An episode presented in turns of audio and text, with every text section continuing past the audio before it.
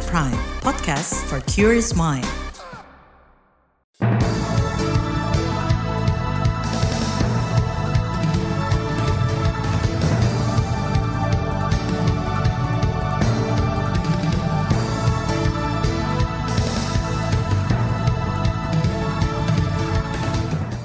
Saudara selamat pagi, senang sekali kami bisa menjumpai Anda kembali melalui program Buletin Pagi untuk edisi awal pekan, Senin 29 Mei 2023. Bersama saya Agus Lukman, ada sejumlah informasi pilihan telah kami siapkan. Di antaranya kelompok bersenjata di Papua mengancam menembak mati pilot Susi Air.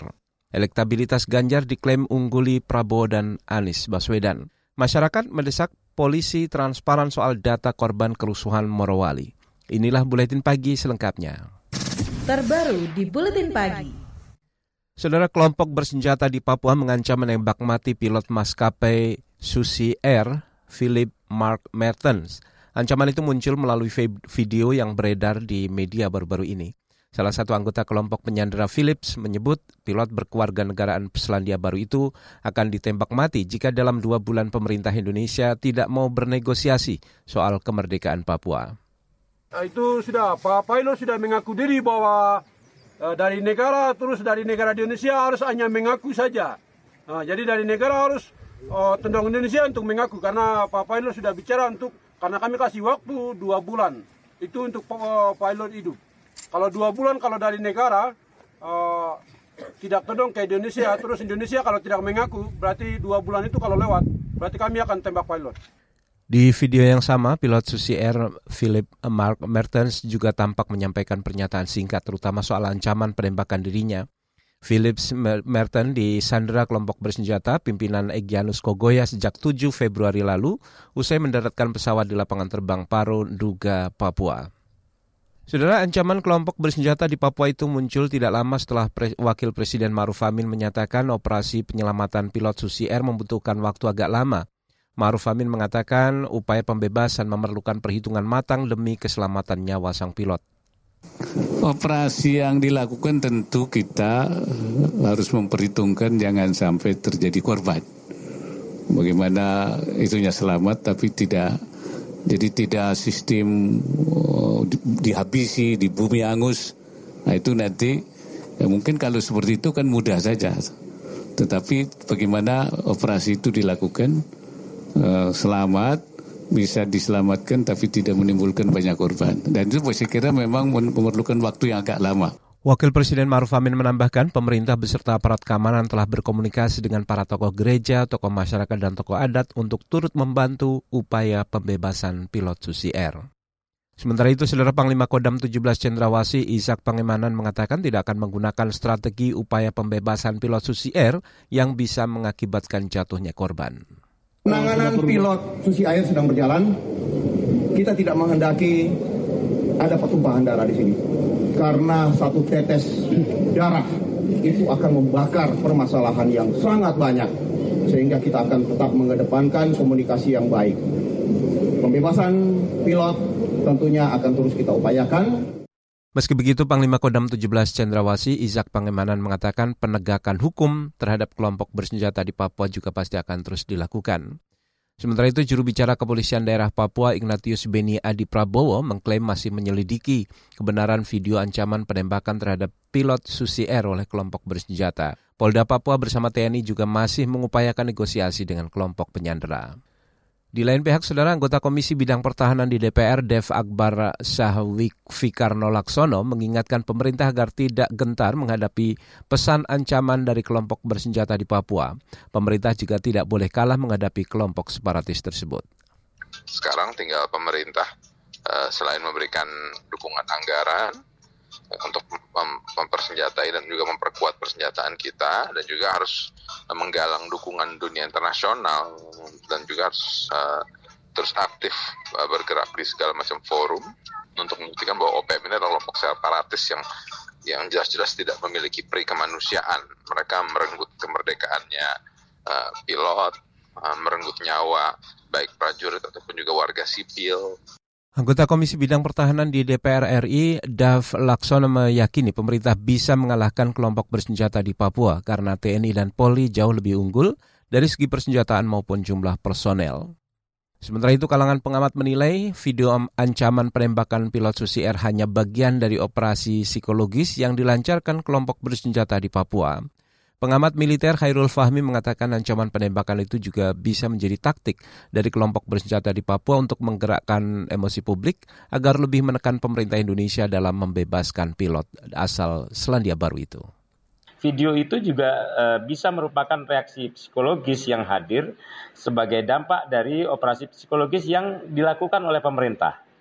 Artinya, uh, rangkaian kombinasi langkah yang ditempuh oleh pemerintah, baik yang dilakukan secara senyap, yang dipropagandakan, ditambah dengan narasi-narasi persuasif yang dilakukan, sudah berhasil menghadirkan persepsi ketidakpastian berlarut dan menghabiskan kesabaran sehingga uh, direaksi dengan peningkatan ancaman Pengamat militer Khairul Fahmi menambahkan munculnya ancaman penembakan pilot Susi Air oleh kelompok bersenjata bukan berarti kegagalan pemerintah dalam mengupayakan pembebasan Sandra secara persuasif. Khairul Fahmi yakin pemerintah juga akan melakukan upaya tegas dengan bertahap dan terukur, termasuk perang psikologis dengan kelompok bersenjata di Papua. Saudara hingga kemarin ada puluhan jemaah haji Indonesia menderita sakit dan dua jemaah wafat. Informasi selengkapnya kami hadirkan sesaat lagi tetaplah di Buletin Pagi KBR. You're listening to KBR Pride, podcast for curious mind. Enjoy!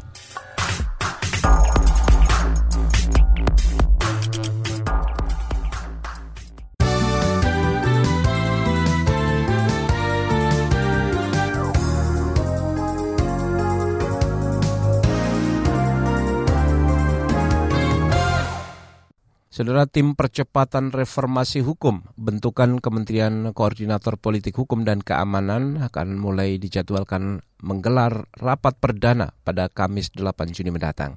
Ketua Kelompok Kerja Reformasi Sektor Peraturan Perundang-undangan, Susi Dwi Haryanti, mengaku baru menerima surat keputusan keanggotaan tim. Saya belum bisa ngasih keterangan sekarang, Mas, karena ini kan uh, saya juga baru terima uh, surat keputusannya Kemudian juga rapat itu baru akan diselenggarakan pada tanggal 8 8 Juni gitu loh. Nah, jadi uh, apa uh, kita tunggu sajalah gitu ya setelah tanggal 8 Juni apa kira-kira mandat, kemudian bagaimana mekanisme kerja dari tim ini gitu dan apa luaran dari tim ini. Itu tadi Ketua Kelompok Kerja Reformasi Sektor Peraturan Perundang-undangan Susi Dwi Haryanti. Sebelumnya Menko Polhukam Mahfud MD membentuk tim percepatan reformasi hukum dengan masa kerja hingga Desember mendatang. Tim ini dibagi empat sektor yaitu reformasi sektor lembaga peradilan dan penegakan hukum, sektor agraria dan sumber daya alam, sektor pencegahan dan pemberantasan korupsi, serta reformasi sektor peraturan perundang-undangan. Kita ke informasi pemilu 2024. Kabar pemilu. Kabar.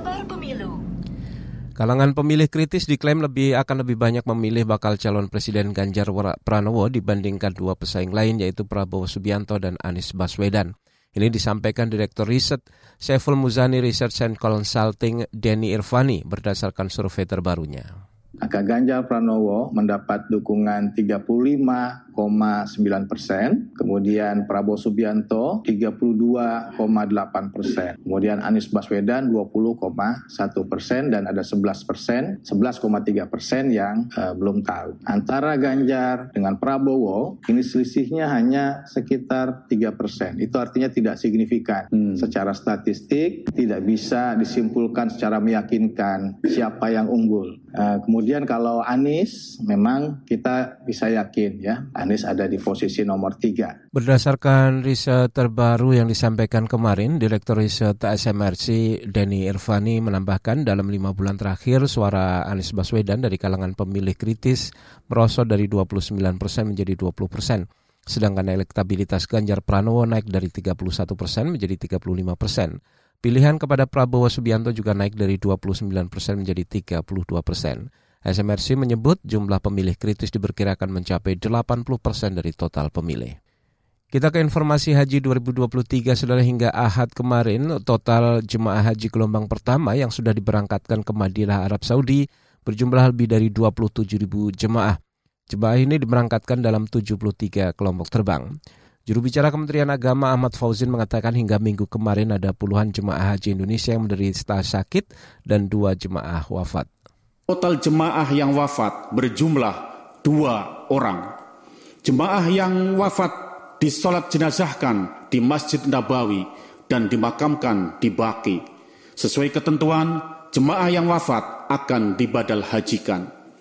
Jemaah sakit 51 orang, sebanyak 38 orang dirawat di Klinik Kesehatan Haji Indonesia atau KKHI Madinah, 13 orang dirawat di Rumah Sakit Arab Saudi Madinah. Juru bicara Kementerian Agama Ahmad Fauzin juga mengingatkan suhu udara di Madinah Arab Saudi panas terik hingga 40 derajat Celcius. Jemaah haji lanjut usia disarankan mengurangi aktivitas di luar ruang dan salat di pemondokan jika kondisi fisik tidak memungkinkan. Kita ke informasi lain, saudara kalangan parlemen mendukung gagasan Kementerian Pendayagunaan Aparatur Negara untuk menaikkan gaji aparatur sipil negara ASN Anggota Komisi Bidang Dalam Negeri DPR Gus Pardigaus mengatakan komisinya mendorong ada koordinasi dari Kementerian PAN-RB dengan Kementerian Keuangan guna merealisasikan gagasan itu. Oleh karena itu kami Komisi 2 yang merupakan mitra daripada Kementerian Menpan RB tentu memberikan apresiasi adanya gagasan, adanya rencana untuk melakukan uh, penyesuaian terhadap gaji para ASN ini untuk dinaikkan. Anggota Komisi Bidang Dalam Negeri di DPR, Gus Pardigaus mengutip pernyataan dari Kementerian PAN-RB yang menyebut gaji ASN belum dinaikkan sejak 2019. Padahal harga-harga barang, mas kami harga barang-barang sudah berkali-kali naik, begitu juga dengan angka inflasi. Kita ke informasi mancanegara, saudara warga Turki pada minggu kemarin memberikan suara untuk pemilihan presiden putaran kedua. Putaran pertama sudah digelar 14 Mei lalu di mana hasilnya dua kandidat tidak ada yang meraup suara lebih dari 50 persen. Calon Presiden Recep Tayyip Erdogan yang merupakan incumbent menang dengan 49 persen suara. Lawannya politikus veteran Kemal Kilik Daroglu meraih 40 persen suara. Kilik Daroglu didukung kalangan oposisi dan partai kemenangan yang berhaluan nasionalis. Sejumlah analis memperkirakan Tayyip Erdogan akan memenangkan pemilu putaran kedua. Rakyat Turki dianggap terlanjur menganggap Erdogan sebagai penyelamat dan penerus kejayaan Kekaisaran Osman.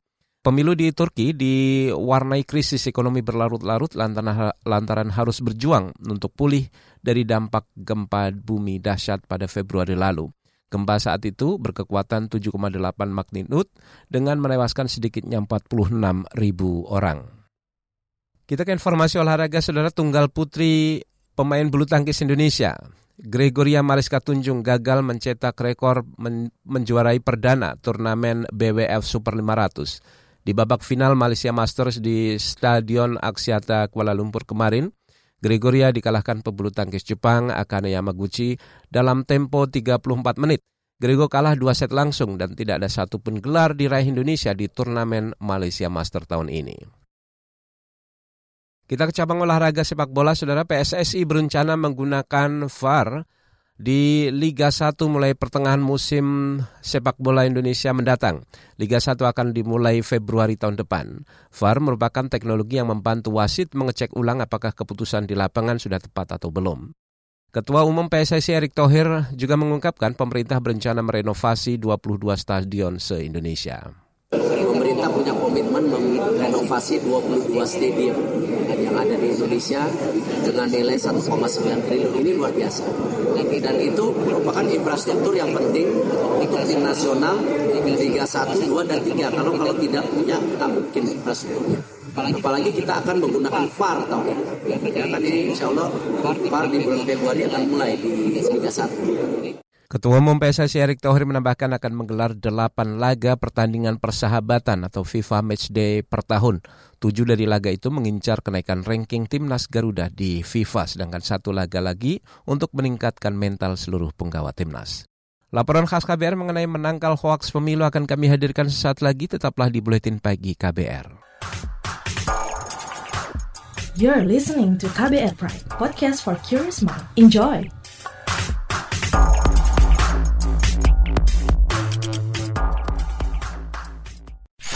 Commercial break. Commercial break.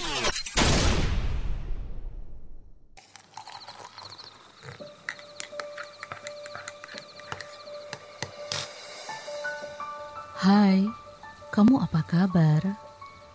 Masih suka menikmati senja dan kopi? Aku masih ingat kebiasaan kita. Sehabis pulang kerja, selalu mencari tempat untuk sekedar ngobrol dan ngopi. Tapi kadang kita kehabisan bahan obrolan. Aku masih melakukan hal yang sama sampai sekarang tanpa harus takut habis bahan buat ngobrol. Karena aku selalu mendengarkan KBR sore dari Senin sampai Jumat jam 4 sore. Ah, aku rindu. KBR Inspiratif Terpercaya.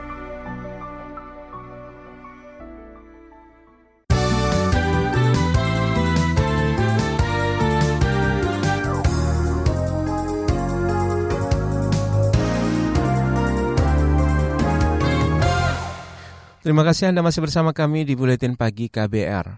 Saudara, penyebaran berita bohong atau hoax diprediksi makin bakal terus meningkat dan menjadi tantangan penyelenggaraan pemilu 2024. Butuh strategi untuk mengantisipasi hoax yang berpotensi memecah belah masyarakat. Lalu bagaimana upaya pemerintah dan kalangan lain mengantisipasi ancaman ini? Berikut selengkapnya laporan jurnalis KBR Astri Septiani. Wakil Presiden Ma'ruf Amin meminta dua penyelenggara pemilu yakni Komisi Pemilihan Umum atau KPU dan juga Badan Pengawas Pemilu atau Bawaslu mengantisipasi sebaran berita bohong atau hoax menjelang pemilu 2024. Dan juga pada penyelenggara pemilu dan pengawas pemilu supaya juga um, mewaspadai dan mengantisipasi terjadinya berita-berita hoax. Jadi selain memberi informasi, mengedukasi masyarakat, juga mengkonfirmasi terhadap berita-berita yang tidak benar, ya, terutama di media uh, sosial. Wakil Presiden Ma'ruf Amin juga mengingatkan masyarakat agar tidak mudah percaya dengan berita yang beredar di media sosial masyarakat diminta selalu mengecek kebenaran setiap informasi diterima. Ancaman bahaya hoax menjelang pemilu sudah menjadi kekhawatiran KPU sejak tahun lalu.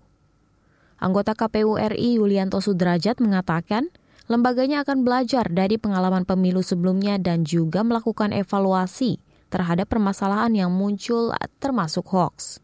Hindarkan politis politisasi sara, hoax gitu ya terus ujaran-ujaran kebencian itu kita harus uh, mampu uh, mengevaluasi penyelenggaraan pemilu-pemilu sebelumnya yang di 2019 itu banyak merebaknya hoax, ujaran kebencian, politisasi sara. Sementara itu, Bawaslu mendorong Polri berkolaborasi dengan berbagai pihak terkait. Misalnya, bekerja sama di ruang digital dengan perusahaan teknologi seperti Facebook, TikTok, Twitter, dan Google untuk mencegah penyebaran hoax. Anggota Bawaslu RI Herwin J.H. Malonda juga meminta Polri lebih masif melibatkan masyarakat dalam proses pengawasan pemilu, termasuk dengan cara sosialisasi bahaya hoax, ujaran kebencian, dan juga berita bohong. Polri juga dinilai perlu memberikan sosialisasi tentang potensi penyalahgunaan platform perdagangan elektronik atau e-commerce yang memiliki fitur video di dalamnya untuk penyebaran hoax. Institusi Polri sejak jauh hari memprediksi pemilu 2024 akan tetap diwarnai serbuan informasi hoax seperti pemilu sebelumnya. Kepala Biro Multimedia di Divisi Humas Polri Gatot Replihandoko memastikan kepolisian bakal menindak tegas segala bentuk penyebaran berita bohong, ujaran kebencian maupun polarisasi politik SARA yang memenuhi unsur pidana punya patokan pasti tidak jauh beda dengan pemilu sebelumnya. Mau nggak mau kita akan berhadapan dengan anumius gitu loh. Itu yang harus kita uh, take down atau report abuse terus. Nah, kecuali yang berkaitan dengan pidana, ya itu kita profiling. Kita profiling itu jadi bukti, itu yang kita kirim ke teman-teman eh, teman-teman di uh, cyber untuk dilakukan uh, penegakan hukumnya. Karena kalau uh, pembiaran didia, didiamkan itu jadi pembenaran di sisi lain, Kementerian Komunikasi dan Informatika bakal menerapkan tiga strategi untuk menghadang berita bohong hingga ujaran kebencian. Direktur Tata Kelola Kemitraan Komunikasi Publik di Kominfo Hashim Gautama meyakini tiga strategi itu jitu untuk mengawal kelancaran pemilu tahun depan dari ancaman hoax. Untuk mewujudkannya, Kementerian Kominfo berupaya dengan menjaga demokrasi di ruang digital dengan tiga lapis strategi di tingkat hulu, tengah, dan hilir untuk memerangi penyebaran hoax, misinformasi, dan ujaran kebencian. Salah satu langkah yang dilakukan Kementerian Kominfo antara lain menutup ribuan konten hoax terkait isu politik termasuk soal pemilu 2024. Ancaman bahaya hoax juga mendapat sorotan peneliti utama politik Badan Riset dan Inovasi Nasional atau BRAIN Siti Zuhro. Ia mengingatkan kondisi perpolitikan tahun ini kemungkinan besar akan berlanjut saat pemilu 2024.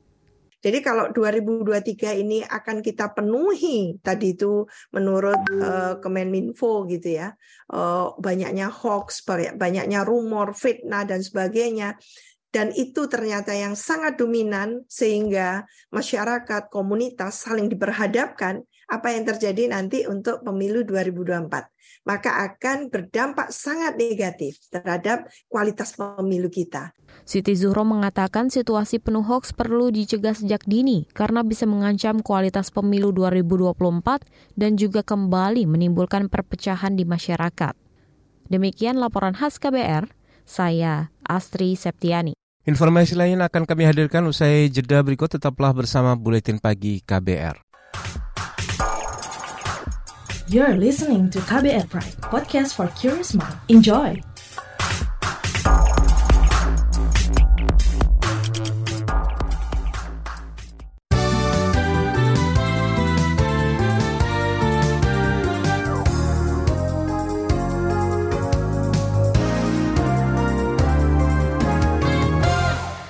Saudara kita berada di bagian akhir buletin pagi KBR. Kita menuju ke Sulawesi Tengah. Serikat Pekerja Nasional SPN mendesak kepolisian transparan terkait data korban jiwa pasca bentrokan di PT Gunbuster Nickel Industry GNI di Morowali Utara.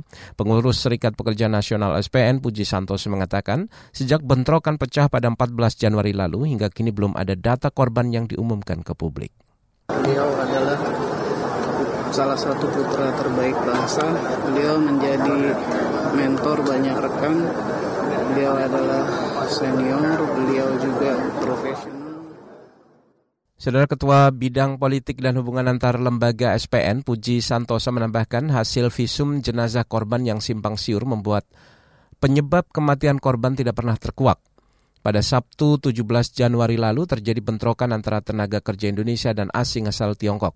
Dua pekerja, satu WNI dan satu WNA dikabarkan tewas. Bentrokan diawali unjuk rasa menuntut perbaikan aspek keselamatan kerja dan PT PGNI merupakan perusahaan pengelola biji nikel milik pengusaha tambang asal Tiongkok. Kita ke informasi lain, jenazah berkas menteri di era Presiden Soeharto hingga Gus Dur, Sarwono Kutsuma Atmaja kemarin dimakamkan di pemakaman San Diego Hills, Karawang, Jawa Barat. Sarwono meninggal Jumat lalu di rumah sakit di Malaysia. Menteri Lingkungan Hidup dan Kehutanan Siti Nurbaya Bakar yang menjadi inspektur upacara pemakaman mengatakan Sarwono merupakan salah satu putra terbaik bangsa dengan pengetahuan luas di bidang lingkungan hidup. Beliau adalah salah satu putra terbaik bangsa. Beliau menjadi mentor banyak rekan. Beliau adalah senior, beliau juga profesional, memberi keteladanan, penuh pengetahuan. Itu tadi Saudara Menteri Lingkungan Hidup dan Kehutanan Siti Nurbaya Bakar. Saat tutup usia Sarwono Kusumat Maja masih menjabat Ketua Dewan Pertimbangan Pengendalian Perubahan Iklim di Kementerian Lingkungan Hidup. Sarwono pernah menjabat Menteri Kelautan dan Perikanan, Menteri Negara Lingkungan Hidup, Menteri Negara Pendayagunaan Aparatur Negara dan anggota DPR. Saudara informasi tadi menutup jumpa kita di Buletin Pagi KBR hari ini. Pantau informasi terbaru melalui situs kbr.id, kabar baru, dan juga melalui akun Twitter di @beritaKBR serta podcast di alamat kbrprime.id. Akhirnya saya Agus Lukman bersama tim yang bertugas kami undur diri. Salam.